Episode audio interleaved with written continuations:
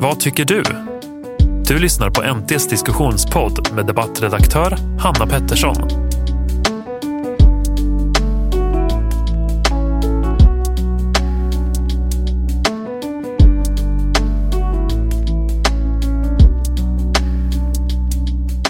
Vi fick en insändare där en sjuksköterska skrev att politikerna fortfarande inte förstår den katastrof som råder innanför Vrinnevi-sjukhusets väggar.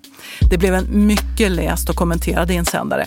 Så vi bjöd in sjuksköterskan Hedda Rundgren till podden tillsammans med regionstyrelsens ordförande Marie Morell. Avsnittet är uppdelat i två delar.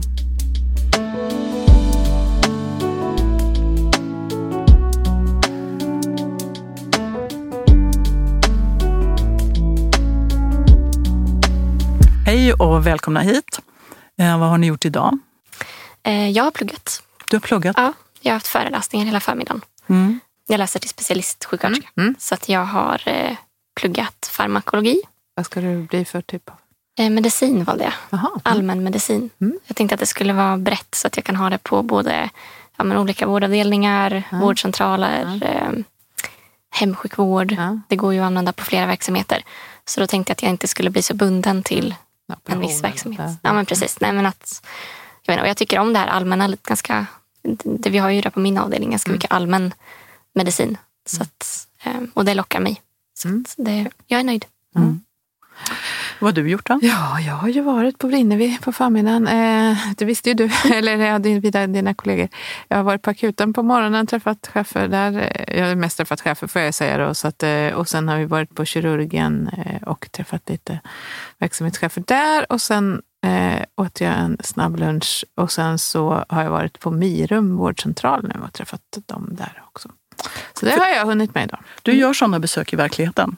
Ja, men det är absolut, det måste man ju göra som politiker. Det jag tycker jag ingår. eh, Nu, nu har det ju varit väldigt konstigt under pandemin. Då har vi ju inte fått varit ute för att vi inte skulle vara med och smitta ner och det är så hård belastning så då har vi inte kunnat få vara ute. Så, det, vi, och nu, så nu får vi försöka ta igen.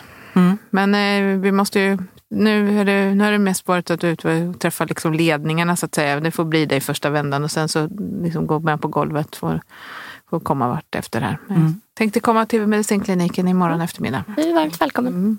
Men nu Marie Morell, då, regionstyrelsens ordförande och moderat och ordförande sedan i höstas, Mm. eh, får du ju träffa någon från golvet i form av Hedda Rundgren från medicinkliniken på Vrinnevisjukhuset. Som är, och du är sjuksköterska. Mm. Välkomna! Tack. Tack. Jag tänkte börja med en liten inledning. Eh, I slutet av förra året så var belastningen på Vrinnevisjukhuset i Norrköping så hård att sjukhuset gick upp i stabsläge.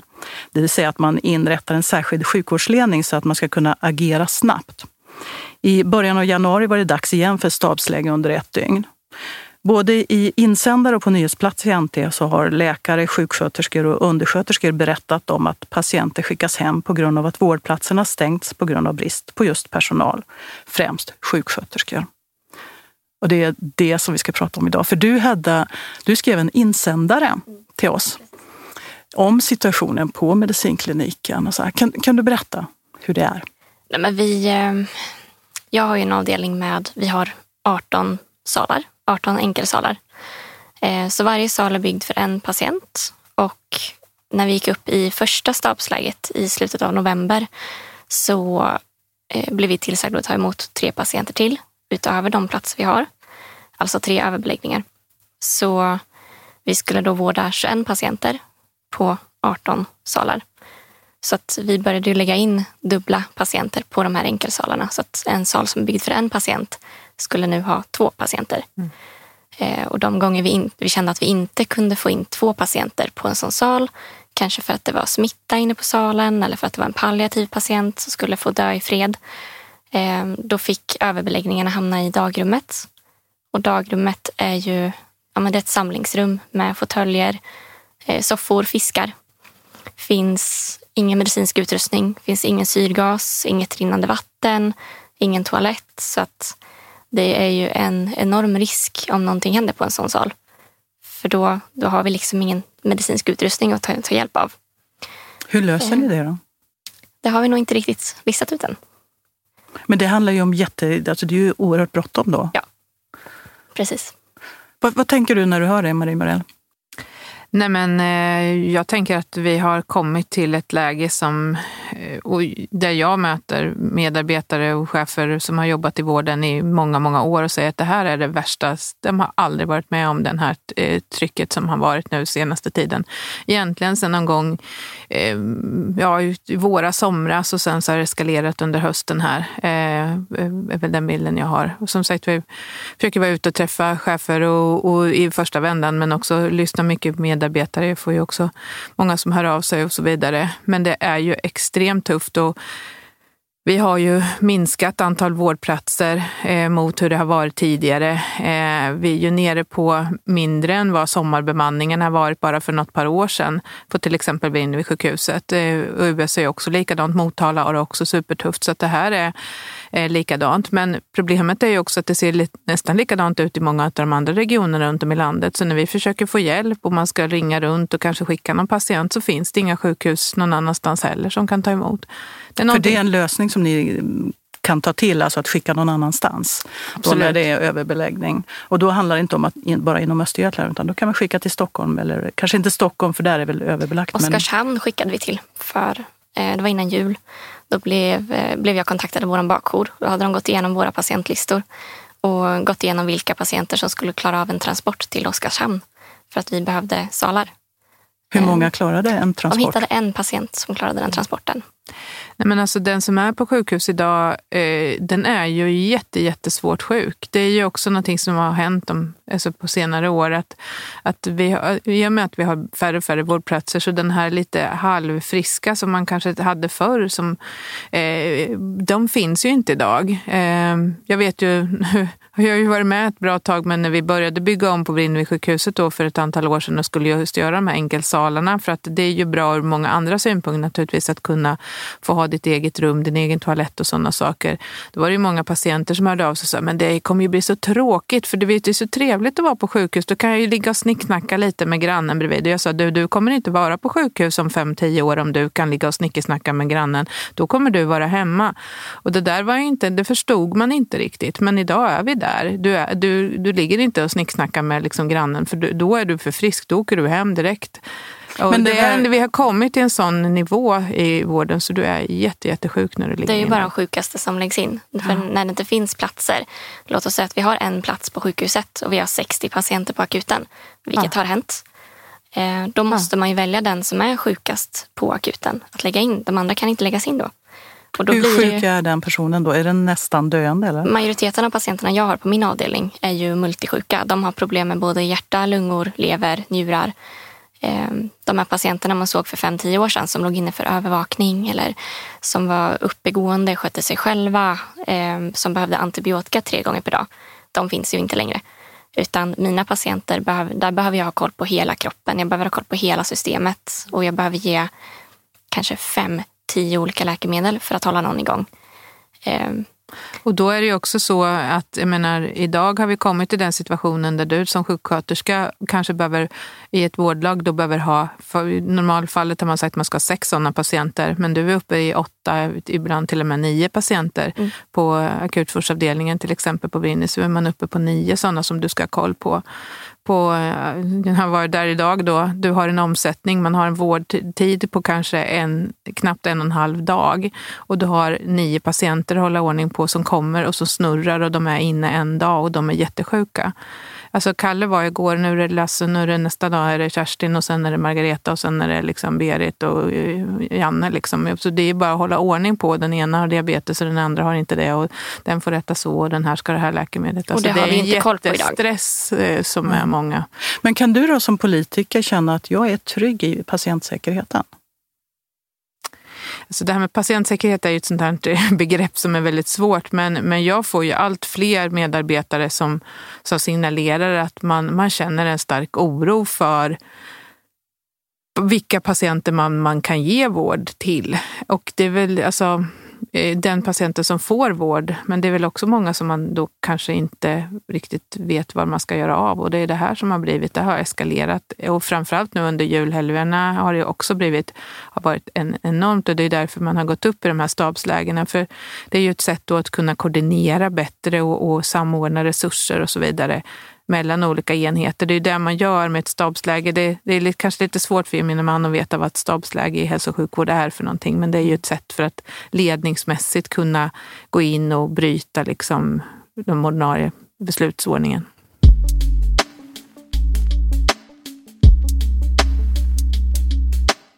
Patientsäkerheten är ju inte upprätthållen hos oss och den går inte att upprätthålla heller. Vi kan inte garantera patientsäkerheten för de som läggs in idag. Ehm, nej, man, nej, nu kanske jag slängde mig bara med det där patientsäkerhet. Så Vad, vad ligger i det begreppet? Här Hos mig ligger det att man som patient, dels ska man få vård, men också att när man väl läggs in på sjukhus så ska man bli omhändertagen av personal som ska ha koll på vad det är man behöver för vård och hinna göra de åtgärderna som behöver göras. Vi hinner inte göra de åtgärderna som vi behöver göra för våra patienter idag. Jag som sjuksköterska gör bara det som är mest akut. Jag gör bara det som är absolut nödvändigast för mig att göra på ett pass. Och Men betyder ju... det att jag som patient inte får den vård som jag egentligen har rätt att ja. få? Ja. Eh, och vi, jag kan säga att vi, efter första stabsläget då gick vi upp till 21 patienter hos oss. Efter det andra, vi fortsatte ju jobba med 21 patienter även efter att stabsläget togs bort. Och ni ska ha? Eh, vi ska ha 18, 18. egentligen. Mm. Eh, och det här innebär ju att vi gick från sex patienter per vårdlag, vilket vi har kämpat jättelänge med att få ha. För det är då vi kan känna att då har vi koll på dem vi vårdar. Så fort vi lägger till en patient på ett vårdlag, då spricker det. Mm. Då har vi inte kontroll längre över våra patienter.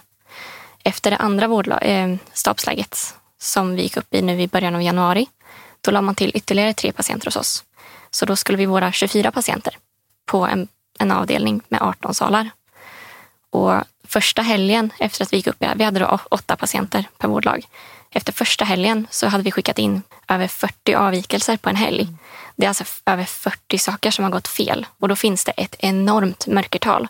För vi skriver inte avvikelser på allting längre. Eh, vi, vi, vi, har varit duktiga på att skriva avvikelser hos oss. Man hinner inte. Man hinner inte, men också för att man känner inte att det har gjort någonting. Det har inte hjälpt oss att skriva avvikelser.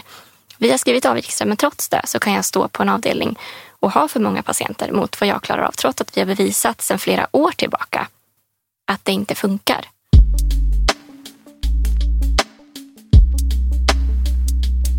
Vi vill såklart veta vad det är för avvikelser som har rapporterats. Så vi begärde ut samtliga avvikelserapporter från medicinkliniken på Vrinnevisjukhuset under perioden 20 november förra året till 20 januari i år. Det är totalt 223 avvikelserapporter om patientsäkerhet som har rapporterats. Här kommer ett axplock. Risk att patienten får fel medicin på grund av att läkemedelslistan inte stämmer. På grund av för hög arbetsbelastning så glöms det bort att ges ögondroppar till en patient med ögoninflammation. Den ordinerade behandlingen av en svårt sjuk patient följs inte. På morgonen är patienten både svårväckt och svår att kontakta. Beslutas att en döende patient ska få ett bättre slut genom att vätska som spänner i buken ska tömmas ut. Sjuksköterskan hinner inte. Patientsäkerheten på avdelning 1 är inte fullgod då avdelningen är överbelagd med fyra patienter för mycket. På avdelningen så finns det flera patienter med covid. Någon patient får därför ligga ute i korridoren. Patient skrivs ut till äldreboende utan recept på de mediciner som behövs. Sängliggande patient i livets slutskede blir utan vätska och frukost. Inte heller har patienten fått hjälp att ändra läge utan ligger i samma position under flera timmar. En annan patient ligger med fasttorkade kräkningar. Fellindade ben som fått till följd att cirkulationen minskat och delar av en fot är blek och kall. Den felaktiga linningen upptäcks först efter ett och ett halvt dygn. Trots att patienten med hjälp av personal kan gå på toaletten själv så sätts kateter. Och patienten får kissa i katetern istället för att få hjälp till toaletten. Det missas att skrivas ut en patient från sjukhuset och upptäcks först när patienten blir inlagd på nytt. Ständig brist på vårdplatser och överbeläggningar med två patienter i singelsalar. Det blir trångt och rörigt. Vårdhygienen på golv, bänkar och nattduksbord är många gånger under all kritik, skriver personalen i sin anmälan. Patient ska ha medicin klockan åtta på morgonen. Klockan tre på eftermiddagen har patienten fortfarande inte fått sin medicin. Patient med RS-virus ligger i en sal med öppen dörr. Risken för att smittan ska spridas på avdelningen är mycket stor. En venkateter som inte används glöms kvar i armen på en patient. Den femte dagen tas den bort och då är armen öm och svullen. Patient får trycksår under tiden på sjukhus, hade inga dokumenterade trycksår vid inskrivningen 14 dagar tidigare. Patient ramlar ur sängen trots att grindarna är uppdragna, blöder från bakhuvudet. Sladden till madrass som ska jämna ut trycket börjar brinna. Blodprover hittas bortglömda på en vagn. Proverna är tagna på morgonen, upptäcks på kvällen först.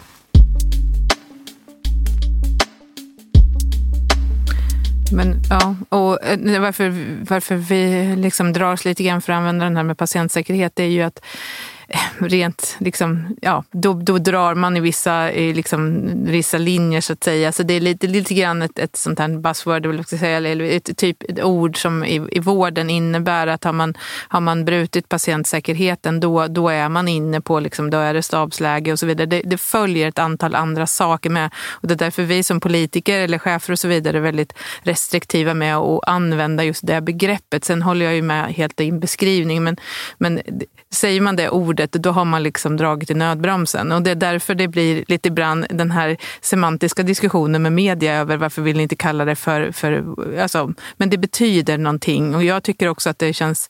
Alltså, jag vill ändå att man ska, alltså det ska, det, man ska kunna ha kvar liksom när man drar den här linjen. Men jag håller helt med. Och det är precis den beskrivning vi får över från alla olika... Jag var på universitetssjukhuset i förra veckan och träffade eh, medarbetare på flera vårdav, eller liksom enheter enheter där och de, säger ju, de beskriver ju exakt samma situation och det är likadant på akuten i, i US och så vidare också. Och det är ju någonting som har det är någonting som har hänt. Vi har ju tappat mycket sjuksköterskor de här senaste eh, åren. De har ju slut, många slutat och vi gick väl lite grann och väntade på, jag trodde nog, om jag ska säga så, att det skulle ha kommit tidigare det här tappet efter pandemin. Många stod ut, många, många var inne och jobbade heroiskt under pandemin och verkligen kände att man ville ge allt. Och sen, sen orkade man och jag trodde nog att vi skulle ha fått det redan förra hösten om jag ska vara ärlig. Men eh, man, man stod ut en, en omgång till och sen nu orkar man helt enkelt inte inte. Och... Vi orkade inte förra hösten. Nej. Vi började markera eh, ja. och på hösten 2021 ja. att vi, vi orkade inte mer efter pandemin. Eh, efter det så tror jag att vi tappade 17 sjuksköterskor inom loppet av 12 månader. Och det, då, det var innan ja. idag. Då. Idag har jag, jag har kollegor som har jobbat över tio år idag som säger att det här är den värsta situationen de har varit med om mm. någonsin. Och du nämnde det här att man ska dra i nödbromsen, mm. att det är det som mm. du, du kopplar det till patientsäkerheten. Det är inte patientsäkert idag. Om man inte vill använda det ordet, då ska man dra i nödbromsen, för det är inte patientsäkert idag. Och det kan jag säga att jag har nog alla mina sjuksköterskor på min avdelning bakom mig i det. Mm. det Nej, men det är ju, alltså, nej, men jag håller med om att det är ju, och det är den samma bild som vi får till oss hela tiden, att, att, att man är liksom det är maxat. Jag vet inte hur det, hur det och nu, nu går vi in i en sommar här. Och som sagt de, de diskussionerna jag har haft, alltså man är jätte orolig och bekymrad för vi är ju lägre än som sagt var en sommarbemanningen redan nu. Och hur ska vi då göra när liksom folk ska ha semester och ledigt eh, under sommaren? Eh, men någonstans, som sagt vi har ju, mycket handlar ju om att vi har, vi har tappat sjuksköterskor och det, det, började ju för, det började för ett antal år sedan. Som säga. Och vi, vi ska vara ärliga och säga att Östergötland gick inte in med ett bra läge i pandemin heller. Men det hade man nog inte riktigt tagit fullt på allvar heller om vi ska vara ärliga. För vi såg ju det på väntetider och vi såg att det drog iväg. Östergötland höll inte liksom den här bra nivån som hade gjort. Vi hade fått längre och längre väntetider på många operationer och sådär. Och det är ju en signal på att någonting inte riktigt funkar i systemet för att, för att man inte kan få uppräthtålla liksom den, den tillgängligheten. Och man skulle ha reagerat på det här för flera år sedan. För jag kan säga att idag, du pratar om sommaren, jag pratar om närmsta månaderna. Ja. Här nu. Jag vet inte ens, jag, så som snacket går på min avdelning idag, vi är inte många ordinarie kvar. Och jag börjar bli genuint orolig för att jag kanske inte ens har några ordinarie kollegor kvar till sommaren. Och då är du den mest erfarna på avdelningen? Jag är en av de mest erfarna. Mm. Och du har jobbat i? Fem år i snart. Fem år, ja. mm.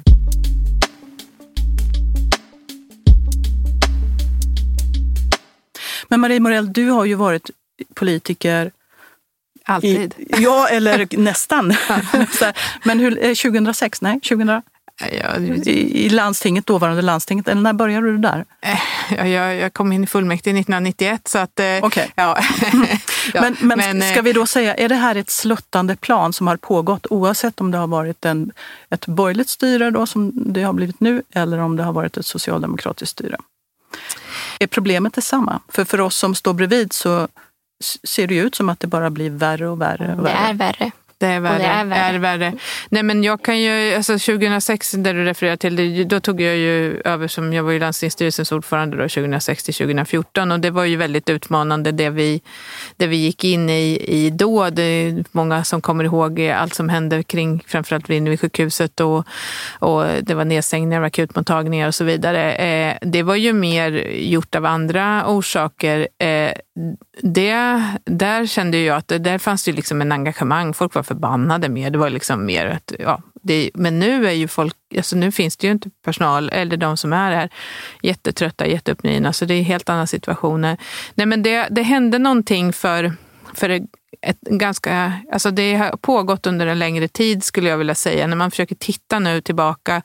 Eh, tillgängligheten, även om det kan tyckas vara ett enkelt mått, men det ger ändå en viss indikation på vart det barkar iväg. Och den började redan gå neråt. Vi gjorde ett stort arbete 2017, då var ju vi i opposition. Vi var ute och gjorde runda bordsamtal med eh, ja, i princip alla verksamhetschefer, det är över hundra chefer och samlade ihop sen olika synpunkter som som de hade och det var ju, alltså de var ju riktigt oroliga redan då och vi la fram en mängd förslag där och vi blev liksom lite så här, ja, ja vi ville prata om vårdkris och så där, blev lite hånade kan man väl säga ifrån det.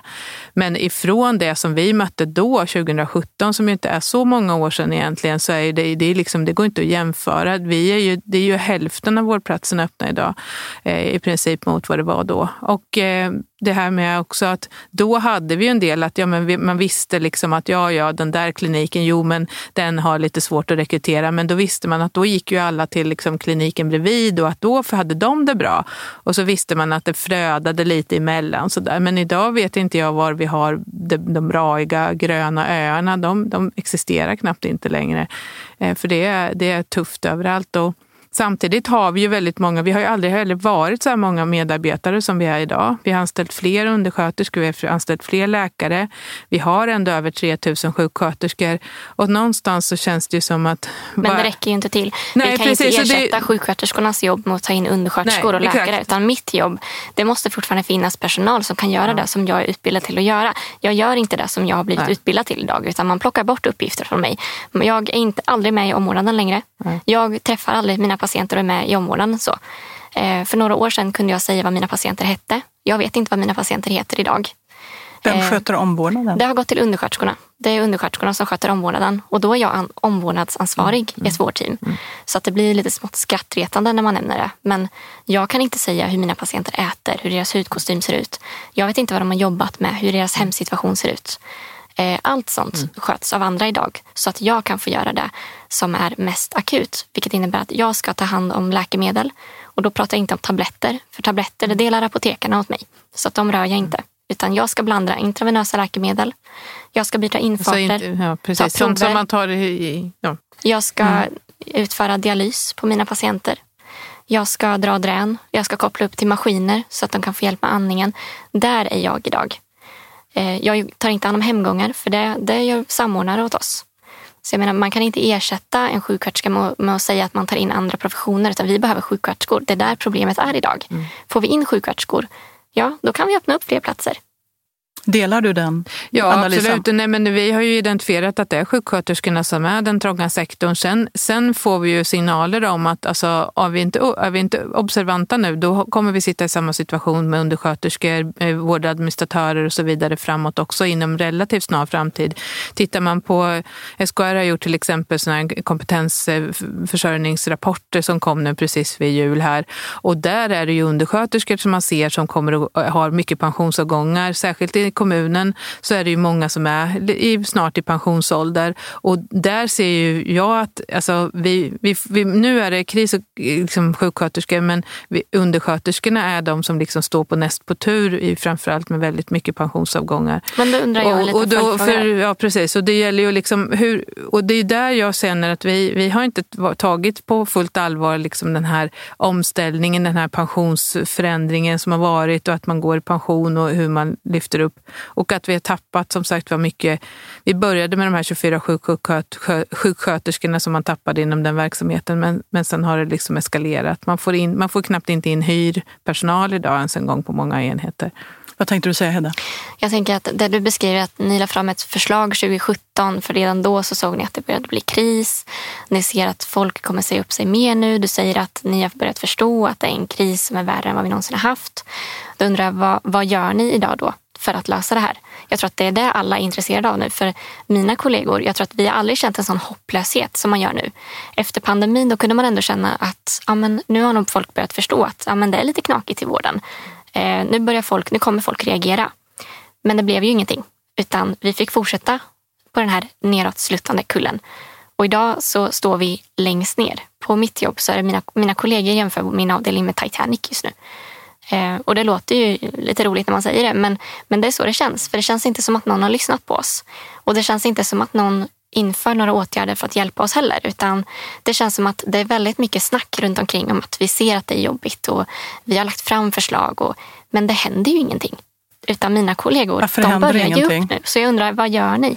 Ja, och det, det där är ju någonting, nu ska vi säga att jag som sagt vi klev på eh, som ledning första, första november här då, då men, men eh, det togs ju till exempel ett beslut i våras som eh, dåvarande majoriteten la fram med, med 16 olika punkter med för 24-7-verksamhet och så vidare. Men, men eh, jag hör ju också nu när, jag, när vi är ute att det har ju inte landat ner, man, vet, man har inte verkställt och man har inte gjort. Vi, vi har tagit jag skulle snarare säga att ibland har vi nästan gjort för många olika åtgärder eller tagit för många olika beslut som sen, precis det du beskriver, inte har verkställts. Vi skulle vara magnetsjukhus och vi, ska, vi har gjort återhämtningsstrategier och vi har gjort extra satsningar. Det har blivit arbetstidsförkortningar, man har gjort lönesatsningar på undersköterskor. Nu har vi gjort, gått in och gjort det här OB-tilläggshöjningen. Alltså vi, vi hade en genomgång för eh, ja, senaste regionstyrelsen och jag tror det var fyra, fem liksom powerpoint med punkter på olika aktiviteter och åtgärder vi har gjort för att liksom, eh, hjälpa till och stötta upp och men arbetstidsmodeller. Ja, men, ja, de verkställs nog i delar men jag tror att det, det man saknar det blir liksom styckevis och det, det är liksom en slags hagelsvärm. Man bara skjuter ut olika idéer utan att för, liksom, på något sätt Eh, det är min egna tanke i alla fall, förstå hur landar det här? Kommer det här att fungera i vardagen? Kommer den här ena åtgärden A, kommer den att funka ihop med åtgärd B eller kommer de att bli liksom kontraproduktiva mot varandra? Alltså den här sammanhållna analysen på något vis känner jag att det är där vi, vi saknar. Och jag, säger, jag kan inte säga att vi sitter med någon jättelösning. Det måste jag vara ärlig och säga. För att i, i dagsläget så känns det som att, ja, vad ska vi... Visst, man pratar om, om högre löner. Men samtidigt, eh, ja, det kanske räcker ibland, men jag uppfattar ju det du är ute efter väldigt mycket, det är ju liksom hur skapar vi den här arbetsmiljön? Men det är klart, man måste börja kunna rekrytera upp de här första nya. Det är, lite, det är nästan alltid varit så. Vi, vi har ju haft samma problem, vi har haft det är som vårdcentraler som har haft väldigt låg bemanning. Då, måste man, då går det inte att bara rekrytera en, utan du måste rekrytera kanske en två, tre läkare då ofta i det här fallet. Och jag tror det är likadant på en vårdenhet här. Du kan inte rekrytera rekrytera till en sjuksköterska utan du måste kanske rekrytera till då, för du får, måste få upp det här vårdlaget som vi pratar om.